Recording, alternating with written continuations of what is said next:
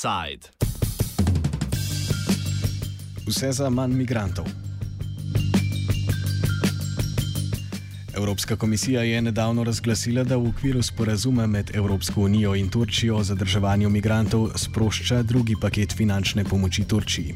Prvotni dogovor je bil sklenjen marca 2016, kmalo zatem pa je Turčija začela sprejemati prve 3 milijarde evrov.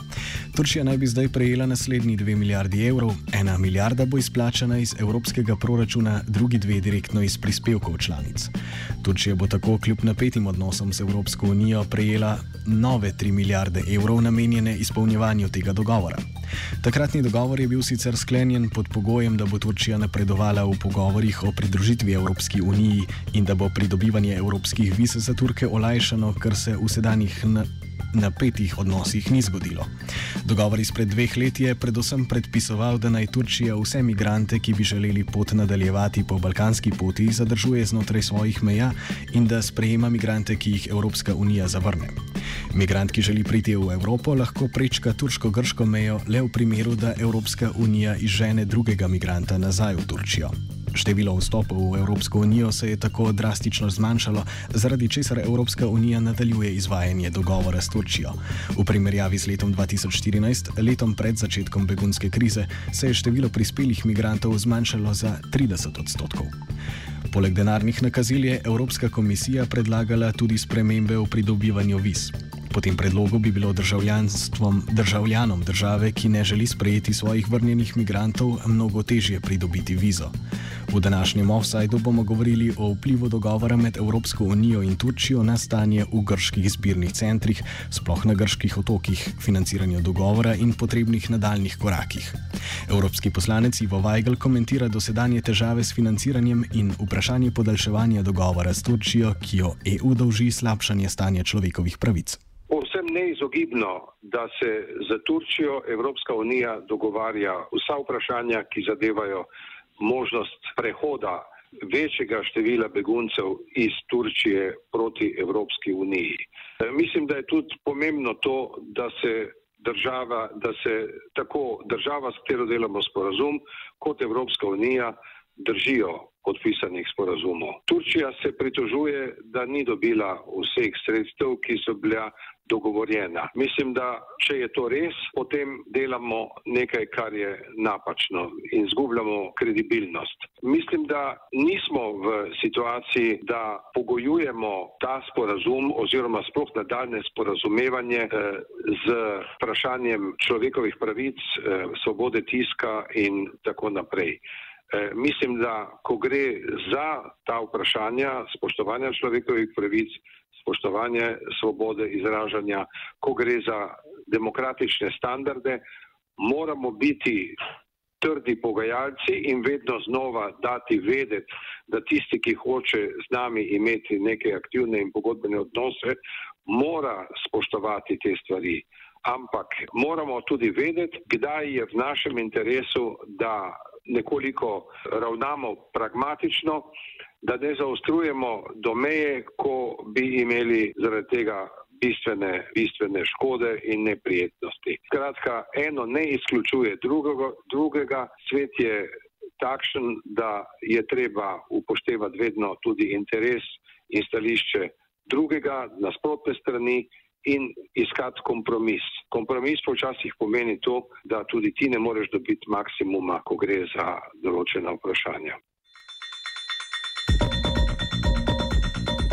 Podobno je temu kršenje človekovih pravic komentiral komisar za migracije Dimitris Avramopoulos, ko je članice pozval naj s plačilom dveh milijard podprejo ta dogovor kljub vedno pogostejšim kršitvam človekovih pravic pod oblastjo turškega predsednika Recipa Tajipa Erdoana. Na isti dan je Evropsko računsko sodišče ocenilo, da je 9 milijard evrov, ki jih je v Evropska unija vložila v izboljševanje demokratičnih standardov in vladavine prava, imelo omejen in nezadosten učinek na stanje demokracije v Turčiji. Anis Kasar, predstavnik Evropske pisarne za podporo azilu, predstavil, katere projekte v Turčiji je Evropska unija vložila prve 3 milijarde evropskih sredstev. It's something which is um, supervised by the Commission. I mean, um, the money does not go to the to the Turkish government. It goes um, directly to um, uh, to partners, to NGOs who um, uh, provide support, uh, medicines, education, so on and so forth to um, to migrants um, in Turkey in Turkish um, camps. Um, and I know, of course, that the Commission has said um, that they are constantly monitoring that these, these these funds are spent properly.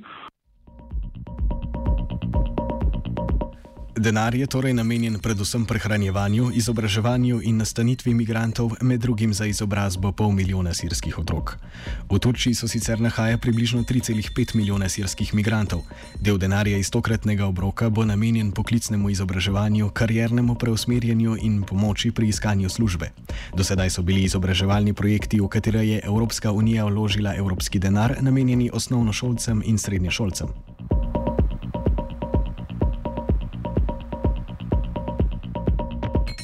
Cilj prvotnega dogovora in preselitvene scheme znotraj dogovora je bil tudi razbremeniti Grčijo. Evropska komisija tako sicer ponosno povdarja, da se je število migrantov v EU občutno zmanjšalo, vendar tega grški otroki niso občutili.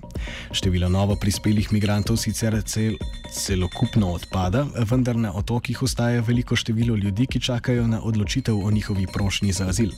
V drugi polovici leta 2017 se je število migrantov, ki so prišli na otoke, celo podvojilo. V prvi polovici leta jih je prispelo 9000, v drugi pa 20 tisoč.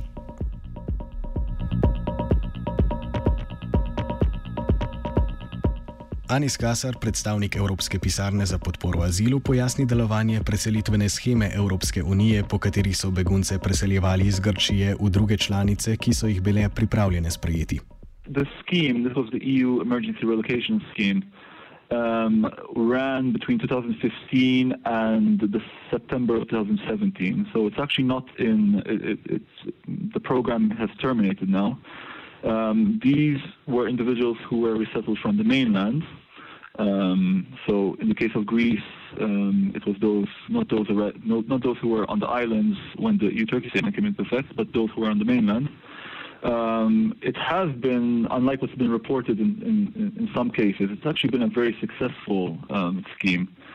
So almost all those who, who were applicable, um, who qualified to be relocated, were actually relocated. So between Italy and Greece, which were the two countries um, uh, which the scheme was set up for, um, almost 100% of those who, um, who uh, qualified for relocation were relocated.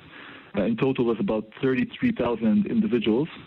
Um, uh, one thing to mention is the scheme was set up in such a way that um, it would relocate individuals from countries with a high, um, uh, let's say, a high rate um, of being given international protection. So, where the average of the country of origin was 75% or higher, so 75% of applications were accepted as uh, as being given asylum, um, uh, those people from those countries were um, were could be relocated. Um, so um, it really applied, in the most part, uh, at least for the case of Greece, to Syrians, um, as well as Iraqis and Afghanis. Um, in the case of Italy, um, it applied mostly because of the nature of those uh, traveling to Italy. It applied mostly to Eritreans.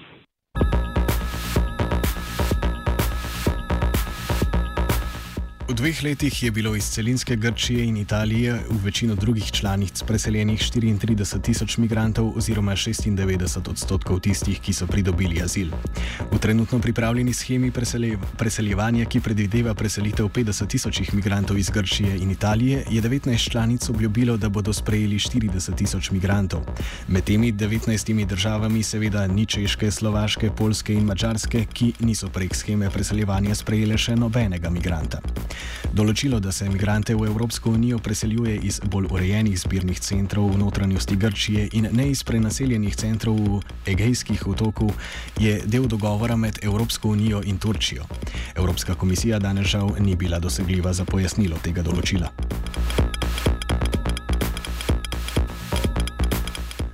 Evropska komisija je sicer ob sprostitvi 3 milijard tudi okrcala Grčijo, da mora pospešiti postopke vračanja migrantov v Turčijo, med drugim tudi s premembo zakonodaje. Poleg tega morajo poskrbeti za primerne nastanitvene pogoje v zbirnih centrih. V grških zbirnih centrih je namreč včasih tudi po dvakrat več migrantov, kot bi jih v stavbi moralo biti. Anis Kasar ocenjuje delovanje grških oblasti v luči okoliščin, ki vplivajo na hitrost reševanja postopkov.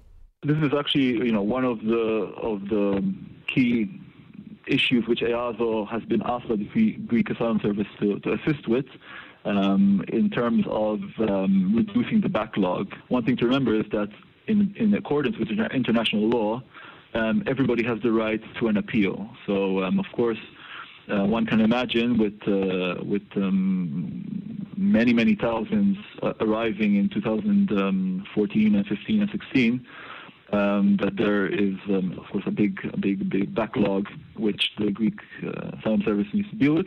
But uh, EASO, of course, is doing its part, and we're fully implementing our our operational plan.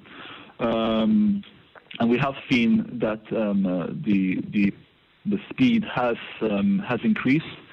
Um, not to say that it can it can't be improved, of course, but uh, I've got to underline, of course, that the Greek services are, you know, vastly overwhelmed, and I think they've been doing a great job considering um, uh, um, the context of the of the of the burden they were put under. Anis Kazar pojasni, kako naj bi uvedba operativnega sodelovanja z Evropsko pisarno za podporo azilov pripomogla k pospešitvi postopku. Part of part of what we of the support we provide is to um, help streamline the procedures. Um, so the management flow of cases is um, is as efficient as possible. So that's helped a bit. Um, and of course, um, the fact that we um, are uh, providing these interviews, the first instance interviews. so we have deployed experts who are also contributed by member states, I must add. so that shows uh, also solidarity by EU member states um, has freed up Greek um, Greek um, officials who were otherwise doing these interviews to be redeployed to other areas of the of the asylum procedure. So you know because we're taking over um, uh, or helping with one part of the procedure, they're able to redeploy their assets to another um, area of the procedure, and you know it speeds up the whole process um, uh, uh, as a whole. So. Um, I think that's had uh, quite a bit of impact. Again, I'm not saying that it's it's an ideal situation. There's always improvements that can be made. Um, the appeal procedure is, of course, a one bottleneck because it's um, uh, an autonomous um, uh, procedure in itself. Um, but I do think that there has been some improvements and. Za zaključek offsajda Gerald Knaus iz možganskega trusta Evropska inicijativa za stabilnost komentira, kje ležijo napake grške vlade in Evropske unije. There, there are many, many challenges. One is that Greece is the country with most asylum applications per capita in Europe last year. Uh, so it is a big challenge for it would be a challenge for any European country. Secondly, uh, many European countries take a long time to resolve asylum cases. Greece is not alone. So what we need actually on the Aegean Islands is the ability to make quick decisions. In Europe, so far, only the Netherlands and now Switzerland are actually able to do so, uh, to make decisions both at the first instance, the first asylum application, and then at the appeal stage within a few weeks. This is what we need. This uh, does not exist now. Uh, it does not exist in Germany or France or Italy either. So what was clear from the beginning is that in order to make this agreement work, um, one would need to set up something uh, that is that is new and innovative. Um, and here, everyone has failed. Uh, the Greek authorities have failed because they just assumed somehow, uh, you know, they would they would just try, and uh, as long as few people come, that's fine. Uh, but of course, the result has been a lot of people trapped much longer than necessary on the islands. Um, and the EU has failed because it doesn't really and still and didn't until now have a serious discussion with the Greeks what is necessary. Um, as I said, the solutions and the problems in the Aegean are problems that the EU faces everywhere in the Mediterranean, and finding solutions in the Aegean would actually be very important for a common and effective EU policy on asylum. Uh, and so far, this chance has not been used. Offside je pripravila.